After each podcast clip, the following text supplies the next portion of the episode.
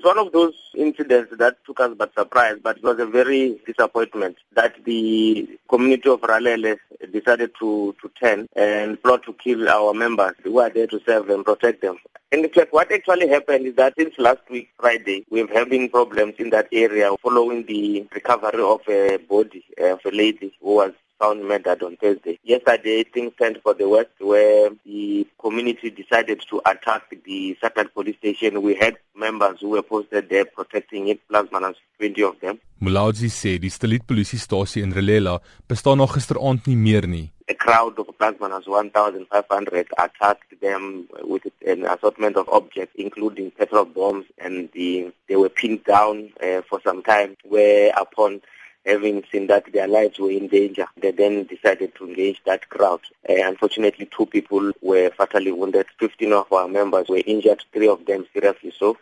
About 19 of our cars were severely damaged, and the satellite station itself is no longer existing. So following that, we did follow procedure by phoning the IPID who were there to investigate this uh, incident. And as such, they are busy continuing their investigations as we speak. Hy sê die situasie op die grond is nou onder beheer. From a police point of view, we really want to condemn this uh, criminal act and we wish to call upon the people of Merelela to refrain from abusing their constitutional right by being brutal against us. The police have the right to protect themselves. They are not Fugees or they are not made of steel. These are human beings that were being attacked and they had no option but to protect themselves. So as we speak now, the situation is quiet, although it feels very tense.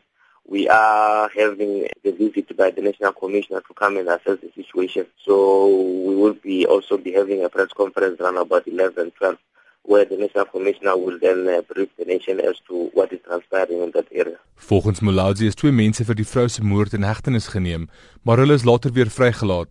Die gemeenskap het egter die mense se huise afgebrand en die polisie weet nie hoekom hulle ook geteken is nie. We are also dumbfounded. You know, it, there were rumors starting from last Saturday that uh, these people from Harare they wanted to attack the police station and I mean that is the safe it's a service that we are rendering giving them service in that area. As to why, I think this is just a criminal act by people who are taking advantage of the situation that side because most of these people who are actually doing this are mostly youngsters. And that's why we cannot actually depict exactly why they wanted to, to attack this police station. But the, the information we got that there are people who are collecting money within the community, you know, to buy petrol.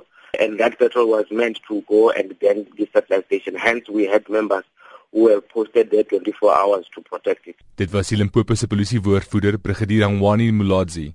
Ek is Jock Steenkamp in Johannesburg.